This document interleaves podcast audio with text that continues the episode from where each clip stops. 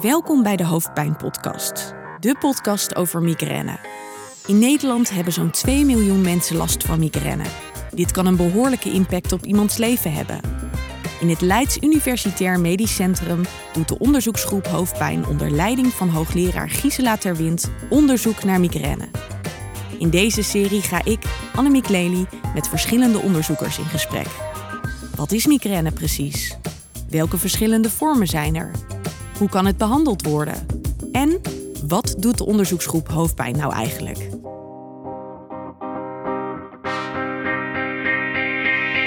Het leuke van het Leids Universitair Medisch Centrum is dat het niet alleen een plek is waar natuurlijk behandeld wordt, maar dat er ook onderzoek gedaan wordt. En het leuke dus ook van de hoofdpijngroep is dat een heleboel onderzoeken daar verricht worden. En op het moment dat daar uitkomsten zijn, dat die direct in deze podcast, in deze hoofdpijnpodcast, gedeeld kunnen worden. Dat is wat we vandaag gaan doen, heb ik zo begrepen. Tegenover mij zit natuurlijk Gisela Terwind. En naast mij zit Nancy van Velen. En jij bent artsonderzoeker en neuroloog. Klopt dat? Nou, nog geen neuroloog hoor. Ik ben gewoon basisarts. Dan vraag ik meteen, zou je iets kunnen vertellen over wat je doet, wie je bent en uh, misschien ook alvast een beetje over het onderzoek? Ja, dat is goed. Uh, in elk geval ben ik dus artsonderzoeker. Ik ben geneeskunde afgestudeerd.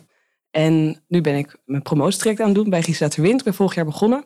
En ik ben eigenlijk een beetje vreemde eend in de bijt misschien, want ik wil helemaal geen neuroloog worden. Ik wil eigenlijk psychiater worden. Maar met hoofdpijn denk ik dat ik wel dat grensgebied heel leuk kan aansnijden. Hoe kom je dan op zo'n positie? Daar ben ik dan benieuwd naar. Nou, eigenlijk ben ik eerder gestart bij de psychiatrie, bij een promotieonderzoek. Maar ik had daar geen onderzoeksgroep en ik werd ook totaal niet uitgedaagd. En er waren nog wat andere factoren waardoor ik had besloten, ik ga toch stoppen en ergens anders kijken. En toen kwam ik eigenlijk bij Gisela Terwind terecht. Ook een beetje via mijn vriend, moet ik toegeven. Die was erg enthousiast over haar. En die zei ook, ik denk dat dat wel iets is wat bij je past. En zodoende dacht ik, ik ga eens kijken. Want hoofdpijn ligt ook wel enigszins richting de psychiatrie. Omdat het toch ook wel gaat over een aandoening. Je kan het niet meten op een CT-scan. Je kan het niet meten in het bloed. Het gaat echt over het verhaal van de patiënt. En daar ligt wel mijn hart. Dus ik dacht, ik denk dat ik dat heel leuk kan combineren met mijn interesse in de psychiatrie. Want ik vind neurologie wel stiekem heel leuk. Maar de diensten van de neurologie spreken me ook wel wat minder aan. Dus uh, ja, zodoende. Wat interessant. Mag ik voordat we het over het eigenlijke onderwerp gaan hebben, nog één kritische vraag stellen? Zeker. Er zijn een heleboel mensen die dan zeggen: als je het niet kan meten, bestaat het dan wel? Of is het dan wel degelijk medisch wat er aan de hand is? Hoe kijk jij daarnaar? Mijn eigen visie daarop is, is dat ik denk dat zo gauw iemand er last van heeft en er op enige manier eigenlijk problemen ondervindt, dat het denk ik relevant is en dus bestaat. Misschien is er niet altijd een biologische oorzaak achter te vinden of kunnen die op dit moment nog niet zien. Maar ik denk dat als er een groep mensen is die daar last van heeft, of misschien zelfs een individu die er last van heeft, dat het wel de moeite waard is om daar aandacht aan te besteden. Want we zijn niet alwetend en we weten een hoop dingen denk ik ook nog helemaal niet. Dus het is soms best moeilijk om te zeggen, het bestaat niet, want we zien het niet of we meten het niet. Want misschien kunnen we dat nog niet. En zelfs al zou het niet iets daaronder liggen, dan denk ik wel dat het de moeite waard is om mensen de stem te geven. Want het is een aanknopingspunt van iemand heeft er last van. Je zal er denk ik wat, je kan er wat voor doen, laat ik het zo zeggen. En dat geldt zowel inderdaad voor neurologie als voor psychiatrie. Ja, en ik denk misschien nog wel breder dan deze twee vakgebieden. Ik denk dat dat bijna geneeskunde breed is. De reden waarom ik denk ik zo blij ben met Nancy en uh, wat misschien nog een keer in een andere podcast uh, zeker ter sprake kan komen, is precies wat jij zegt, dat je hoofdpijn uh, niet kan meten, maar dat het wel een reëel probleem is en dat, dat wij het serieus nemen. En ik vind de inbreng van de psychiatrie missen wij heel erg bij hoofdpijn. En Nancy en ik hopen eigenlijk juist op dat grensvlak van neurologie en psychiatrie de komende jaren meer onderzoek te doen en meer inzicht te krijgen omdat ik denk dat het hoofdpijn is gewoon een reëel probleem. En ook al vinden we daar misschien niet het uh, neurologisch substraat altijd voor, waarom bij de ene persoon het veel erger is dan bij de ander. Dat wil niet zeggen dat we er niet iets mee moeten doen. En dat is iets wat wij met z'n tweeën eh, de komende jaren verder uit gaan zoeken. Ook in samenwerking met de psychiatrie hier in het eh, LUMC. Ik zou zeggen, het is juist een reden om er iets mee te doen, toch? Want het is juist een gebied waar nog heel veel gevonden eventueel zou kunnen worden. Denk ik ook. dat hoop ik ook. Goed, Gisela, zou jij willen introduceren waar we het vandaag over gaan hebben? Wij overleggen altijd goed van waar gaat het over. En ik kreeg nu het voorstel om het vandaag over acute behandelingen te hebben. Vooral nieuwe uitkomsten van onderzoek. Maar ja, voor mij is het natuurlijk soms ook gewoon een beetje abracadabra. Dus ik ga aan jou vragen, waar gaan we het vandaag over hebben? Ja, waar we het vandaag gaan over hebben is niet iets wat direct uit ons onderzoekslijn komt, maar wat uh, eigenlijk uh, uit de uh, samenwerking van een heleboel internationale onderzoeksgroepen in het verleden en met name ook door farmaceuten ontwikkelde medicijnen zijn. Dus we hebben hier helemaal geen credits voor nemen, maar we vinden het wel heel belangrijk om te bespreken. Omdat we, we willen eigenlijk vandaag hebben over de acute behandeling van migraine. Dat hebben we in een eerdere podcast ook besproken. Toen hebben we het gehad over de bestaande medicatie. Maar er komt ook een nieuw soort klassen van medicijnen op de markt. En sommige zijn al op de markt. En we denken dat het leuk is om vandaag te bespreken wat is het verschil met wat er was. Wie komen er voor in aanmerking? Wat is het voordeel, wat is het nadeel? En hoe verandert het misschien ook onze kijk op wat acute en preventieve medicatie precies is? Wat was er al? Dat hele korte samenvatting. We hebben eigenlijk vorige keer gewoon, uh, denk ik, vooral besproken dat er, dat er een stapsprocedure is. Dus uh, je begint met eenvoudige paracetamol. Als dat niet werkt, dan ga je, ga je richting de NSAID, zoals uh, ibuprofen, naproxen. En dan komt de derde stap en dat zijn de triptanen. En daar stopte het tot nu toe eigenlijk. Dan, dan is, zijn er soms in andere landen nog wel erg termine beschikbaar, maar wij hebben dat in Nederland gebruikt dat eigenlijk niet. Dus eigenlijk na de triptanen stopt het. We hebben vorige keer alle triptanen besproken en de toedieningsvormen. En nu willen we het vandaag hebben over welke middelen zijn er nu bijgekomen op de markt of gaan binnenkort komen op de markt die ook gebruikt kunnen gaan worden. Nou Nancy, vertel. Ja, ja nee. En uh, ik denk dat het belangrijk is, dus, hè, je hebt de, de gewone pijnstillers, dan heb je de triptanen, dat echt migraine specifiek is. En nu is er eigenlijk een nieuwe groep bijgekomen, dat zijn de ditanen. En eigenlijk om specifieker te zijn, is er alleen lasmiditan op dit moment. Ja, een nieuwe groep medicatie hoop je toch ook dat een nieuwe groep mensen daar profijt van gaat hebben. En dat is denk ik waarom we er ook wel enthousiast over zijn. Je krijgt toch een ja, nieuwe munitie erbij, om het zo maar te zeggen, om patiënten mee te kunnen helpen. Waar komt deze groep vandaan? Hebben jullie daar al, of tenminste niet zozeer jullie alleen, maar over de hele wereld, onderzoekers daar al jaren onderzoek naar gedaan? Of is het een, een groep die juist uit een andere geneeskundige tak komt, die blijkt te werken? Hoe, hoe, uh, hoe ik ooit begon, uh, uh, kan ik me nog herinneren toen ik voor naar het eerste congres ging. En dat was in de negentig jaar. En toen waren ze al heel lang mee bezig. Toen waren de triptanen net in. En uh, de triptanen die werken op uh, stof serotonine en die werken op bepaalde receptoren. Die heet het dan de 5HT1. En dan heb je de 5HT1B, 1D en 1F. En toen werd al besproken dat de triptanen werken op de 1B en op de 1D. En heel weinig op de 1F. Maar dat de 5HT1F receptor ook heel interessant was. Omdat het een goed aangrijpingspunt kon zijn voor acute behandeling. Ik zal het wat simpeler uitleggen. Ik heb zelf een wat oudere telefoon. Die ontvangt alleen 4G. En dat houdt in dat als je 4G ontvangt, hè, dan kan ik op mijn internet en dan krijg ik mijn WhatsApp binnen. Maar je hebt ook 5G. Mijn telefoon kan dat niet ontvangen. En dan kan je zeggen dat mijn telefoon een receptor 1 is. En bijvoorbeeld Gisela heeft een wat nieuwere iPhone. Die ontvangt waarschijnlijk wel 5G. En op die manier zal haar telefoon dus andere informatie ontvangen dan die van mij. En uiteindelijk zit het allebei wel een cascade in werk. Hè? Dus er, er volgt iets uit. En zo kan je dat denk ik ook met die medicatie zien. Waar mijn telefoon die van triptanen ontvangt, ontvangt die van Gisela die van de lasmiditan. En zo werken ze allebei wel vergelijkbaar, want we ontvangen allebei internet. Maar het is ook wel weer een beetje anders. Dus ik denk dat dat een versimpelde manier is van wat de receptor precies doet. Hij ontvangt andere signalen en elk receptor heeft zo zijn eigen eh, signaaltje dat hij kan ontvangen en daarop reageert. Het duurt 30 jaar voordat uiteindelijk dan zo'n middel ook beschikbaar is wel goed om te noemen, omdat we soms denken: God, wat zijn die medicijnen toch duur? En die farmaceuten die gaan toch allemaal heel veel geld verdienen. Dus dan zie je hoe lang het kost voordat je zo'n nieuwe klasse van medicatie, die wel vergelijkbare in de hoek zit van de triptanen, maar dan een specifieke serotonine-receptor uh, met name aanpakt. En Nancy kan straks vertellen wat de voor- en nadelen er eventueel van zijn. Dus dat het zo lang duurt voordat zo'n middel dan uiteindelijk beschikbaar is. Dus er is, ja, er is eigenlijk al heel lang een aanname van: goh, als we daarop inspelen, dan zou dat effect kunnen hebben. Maar om dat voor elkaar te krijgen, dus dat je er ook daadwerkelijk op kan inspelen, dat duurt echt wel een tijd. Ja. En die zijn er dus nu. Ja, dat klopt. Ze zijn sinds kort, nu net volgens mij, worden ze ook vergoed in Nederland. En dat maakt het ook voor ons toegankelijk. Want hoewel ze al vrij lang in wetenschapsgebied werden gebruikt voor verschillende studies, is het nu ook wel voor ons mogelijkheid om het aan patiënten voor te schrijven. En dat is natuurlijk heel fijn.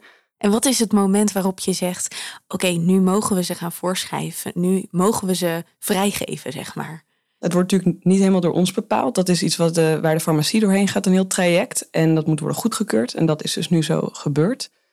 En dan komt natuurlijk het moeilijke nieuwe stukje, denk ik. En dat is wat wordt de plaats van lasmilitan in onze behandelladder. En ik denk dat dat iets is dat gewoon door de jaren heen en door tijd en ervaring zal moeten blijken. Want dat weten we nu ook nog niet zo heel goed.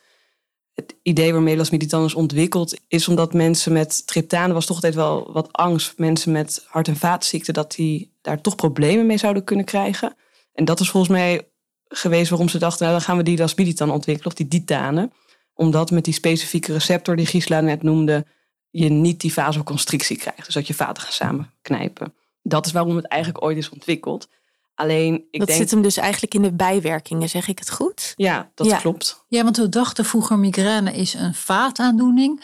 Eigenlijk zijn de triptanen ontwikkeld met het idee, nou we moeten die bloedvaten dus samenknijpen. En dan hebben we effect. Dat was het idee. En toen bleek later dat eigenlijk helemaal niet het belangrijkste effect was. Het, het veel belangrijker effect was eigenlijk dat het iets deed ook op het vrijkomen van stofjes zoals uh, CGRP. Dus die vaatvernauwing is eigenlijk niet nodig en is potentieel, er werd gedacht, dat kan misschien zelfs gevaarlijk zijn voor mensen die een verhoogd hart- en vaatziekterisicoprofiel hebben. En dat heeft lasmilitan dus niet, want die doet niet iets op de vaten. Dus dat is een heel groot voordeel van ditanen. En daarmee verrijk je dus eigenlijk ook gewoon de mogelijkheden voor mensen die misschien voor dat stukje een beetje kwetsbaar zijn. zeg ik het goed zo? Dat klopt. Maar het is dus ook zoeken, tegelijkertijd als ik het zo hoor, wat doen die ditanen dan? Wat voor een bijwerking hebben zij misschien? Ja, precies. En ik denk dat het wordt altijd een kostenbaatafweging. En dat is ook per patiënt denk ik verschillend. Want ja, de andere kant van de medaille is dat je misschien niet die vaatvernauwing hebt, maar je hebt wel andere bijwerkingen, omdat lasmilitan juist een middel is dat iets meer inspeelt op ons centraal zenuwstelsel. En daardoor krijgen mensen dus ook meer misselijkheid en duizeligheidsklachten. En dat zal ook per individu verschillen. Het is natuurlijk niet zo dat als je het neemt, dat je dit altijd zal krijgen. Maar je hebt wel, ja, dat, dat risico daarop is weer hoger dat je dat dan ervaart. Moet je, dan moet je dus uitproberen met een patiënt. Ja. Dus de indicatie is eh, denk ik breder dan van triptanen. Dat is heel fijn. En we hebben ook niet genoemd, het is denk ik ook heel uh, goed om in te zetten voor mensen die niet reageren op de triptanen. Want we hebben al die triptanen genoemd, maar er zijn nog steeds een heel, hele grote groep migraine mensen die nemen die medicatie en het werkt gewoon niet. Dus ook voor die groep is het fijn dat we dit middel kunnen proberen. Ja, per patiënt moet je natuurlijk kijken, heb je last van de bijwerkingen? En sommige mensen zullen er helemaal geen last van hebben. Nou, prima. Anderen misschien wat meer. En als je die bijwerking hebt, dan zou bijvoorbeeld kunnen zijn dat je misschien wat slaperiger bent dan vergeleken met een triptaan. Maar dan nog zou het een heel goed alternatief kunnen zijn. Bijvoorbeeld als je merkt dat je zo'n heftige migraineaanval hebt en je denkt, nou ik kan toch eigenlijk mijn bed helemaal niet uit, ik kan niet werken. Nou, dan maakt het ook net als je slaperig bent. Prima toch, want dan slaap je ook lekker. En je hoort vaak dat mensen die ook even gaan slapen bij een migraine, dat die ook meer opknappen. Dus ik denk dat er ook al heb je zo'n bijwerking, misschien dat je die juist kan benutten uh, juist om het middel wel in te zetten. Dus op die manier moeten we dat denk ik uh, gaan uh, proberen samen met elke individuele patiënt. Daarmee zeg je eigenlijk in heel simpel taalgebruik: luister naar je lichaam, ongeacht ja. of je medicatie gebruikt, ja of nee, ja. toch? Ja. ja. Jullie zijn natuurlijk hier net mee begonnen, want het is vrij nieuw. Wat is voor jullie de richtlijn of hoe gaan jullie het inzetten? Hebben jullie daar een plan voor? Nou, we hebben, we hebben nog uh, zelf en sowieso in Nederland niet zo heel veel ervaring mee. Dus wij kennen vooral de studies die gedaan zijn. Dus we weten de voordelen, we weten de nadelen.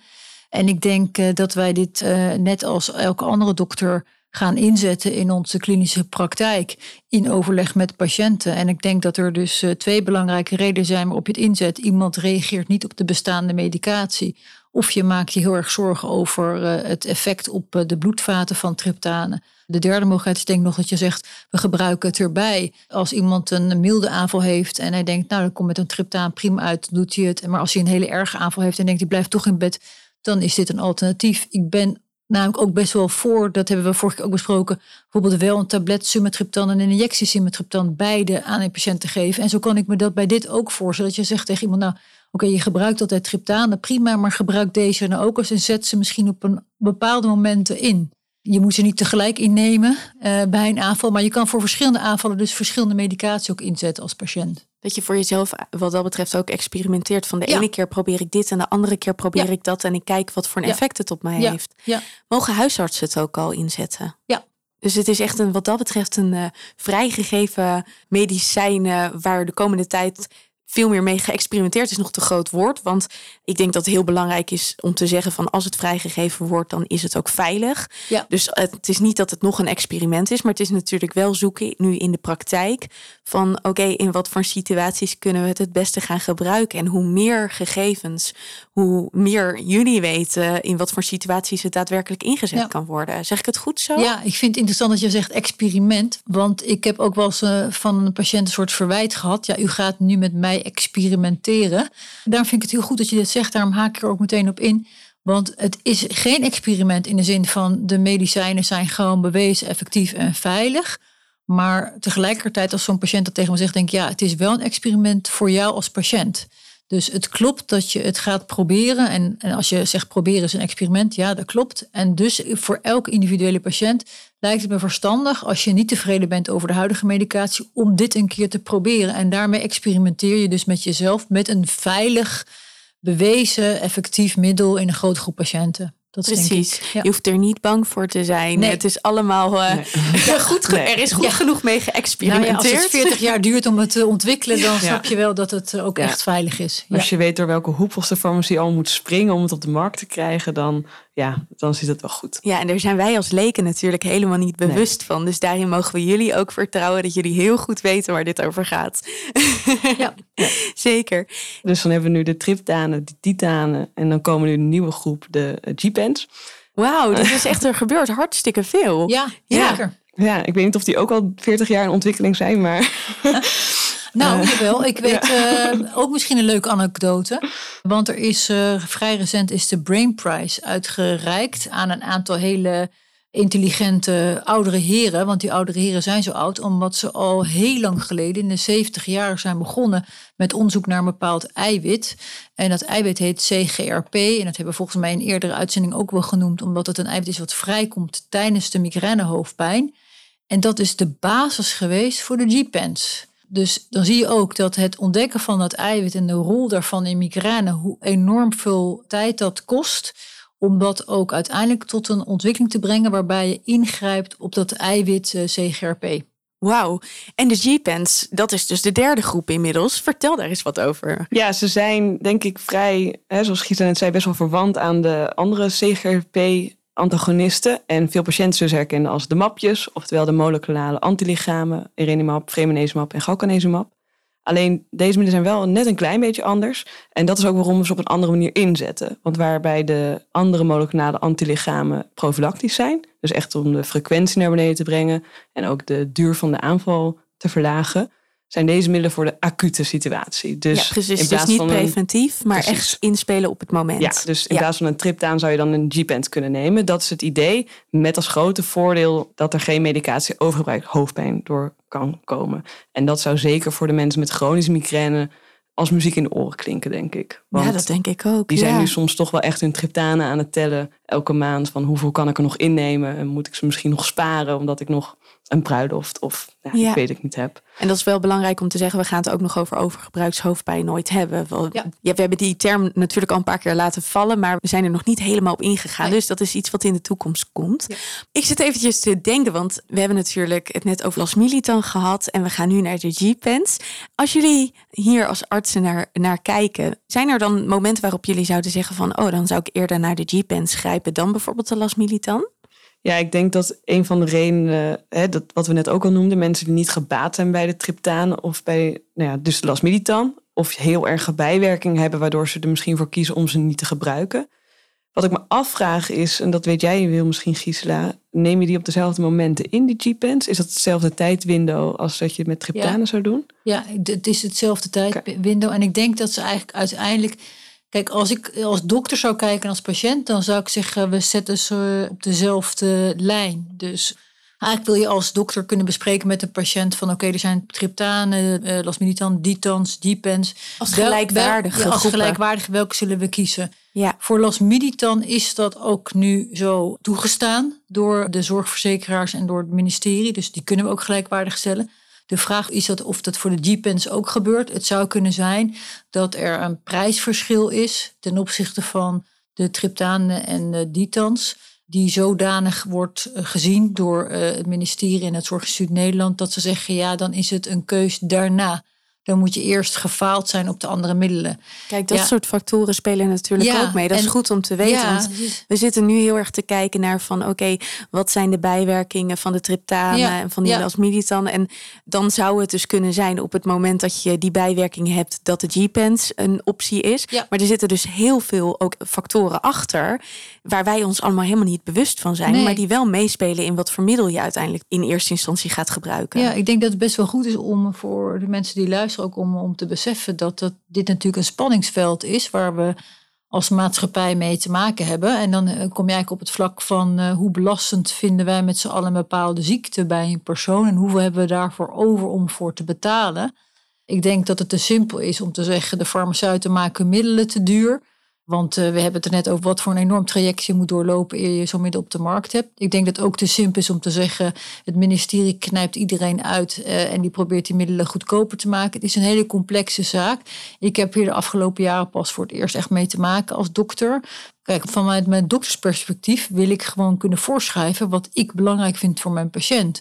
En vanuit patiëntenperspectief is het hetzelfde. Maar tegelijkertijd hebben we met z'n allen maatschappelijke verantwoordelijkheid en denk ik, het is ook helemaal niet zo raar om eerst al bestaande middelen waar we het jaren mee gedaan hebben, soms te proberen als andere middelen vele malen duurder zijn. Laten we die dan reserveren voor die mensen die geen baat hebben bij de goedkopere middelen. Precies, en dan is het gewoon fijn dat die nog achter de hand zijn op het moment dat het nodig is. En nou ja, in de volgende aflevering gaan wij met iemand spreken die al 35 jaar migraine heeft en verschillende opties onderzocht heeft. En voor haar zou het bijvoorbeeld vul ik nu in, maar heel interessant kunnen zijn dat er een nieuw middel is, mocht ze haar eigen methode nog niet hebben kunnen vinden. Ja. En tegelijkertijd denk ik dat het ook wel weer aangeeft wat voor een. Ik zou toch hopen dat het niet zo is dat je 35 jaar hoeft te zoeken. En dat is ook zo. Hè? Dus er zijn nu nieuwe middelen op de markt. En ik denk ook niet zo dat er komen, er komen geen regels dat je jaren op een bepaald middel moet staan terwijl het niet effectief is. En we hebben het eerder ook gehad dat we dat ik denk dat het heel goed is als je een bepaald middel gebruikt, dat je het dan tenminste drie keer probeert. Hè? Omdat de timing is soms best wel lastig. Je moet even kijken van uh, de eerste keer heb je misschien een bijwerking die je de volgende keer helemaal niet hebt. Dus ik zou zeggen, probeer altijd een middel. Je lichaam moet er ook even aan ja, Daarom. Probeer altijd een middel tenminste drie keer. Maar als je dan drie keer geprobeerd hebt en het, en het werkt niet of het werkt niet goed voor jou, nou dan kan je naar het volgende middel. Dus je hoeft helemaal niet jarenlang te gaan zitten proberen voordat je op het goede medicijn komt, denk ik. Zijn er specifieke dingen waar je rekening mee moet houden als het over de G-pens gaat? We hadden het net over dan bijvoorbeeld nou ja, de triptanen, waar bijvoorbeeld ook uh, overgebruikshoofdpijn een onderdeel van is om rekening mee te houden. Is er ook zoiets als het gaat over de G-pens? Voor nu is het idee dat dat dus minder is, dus dat je niet dat gevaar hebt dat als je te vaak een G-pen inneemt, dat je dan medicatie hoofdpijn kan krijgen, wat heel fijn is. En een ander belangrijk is dat deze middelen ook geen vasoconstructie geven. Zoals we net hadden besproken met de triptanen, waar dat wel het geval is, hebben eigenlijk zowel de G-pens als de lasminitan dat beide niet. En dat is dus zeker voor patiënten met hart- en vaatziekten is dat wel goed nieuws. Ik denk dus sterker nog, omdat uh, die G-pens kan je zelfs inzetten als preventieve medicatie. Dus ze hebben zelfs een voordeel dat ze niet alleen tot, niet tot medicatie overbruikshoofdpijn leiden, maar het zou zelfs kunnen zijn hoe meer ze inneemt, hoe meer het ook effectief is om je aanvallen te voorkomen. Dus we komen met de G-pens en de hele ontwikkeling van deze middelen op het raakvlak, waarbij we het straks misschien helemaal niet meer hebben over acuut of preventief. Maar dat, dat we zeggen tegen mensen, nou neem vooral in als je migraine hebt. En misschien moet je het ook wel vaker innemen, want dan, dan voorkom je weer volgende aanvallen. Dus dat gaat een hele nieuw spannend veld een soort worden. Van blurring. Uh, ja, Dus het wordt, een, het wordt heel spannende jaren de komende jaren. Hoe we dat eh, gaan toepassen bij onze patiënten. En hoe patiënten het zelf gaan toepassen bij zichzelf. En welke G-pens uh, ze dan op welk moment in gaan zetten. Ja, precies. Want het blijft ook gewoon een groep met nog heel veel verschillende ja, medicijnen binnen die groep. Ja, ja, zeker. Wat fijn dat dit allemaal gebeurt. Want uh, ja, zo zetten we weer extra stappen in de behandeling als het gaat over medicatie. Dank jullie wel. Ja, bedankt. Deze podcast werd gemaakt in opdracht van de onderzoeksgroep Hoofdpijn van het Leids Universitair Medisch Centrum. De presentatie en inhoudelijke montage is in handen van Annemiek Lely. De eindmontage en mixage werd door popuppodcast.studio gedaan.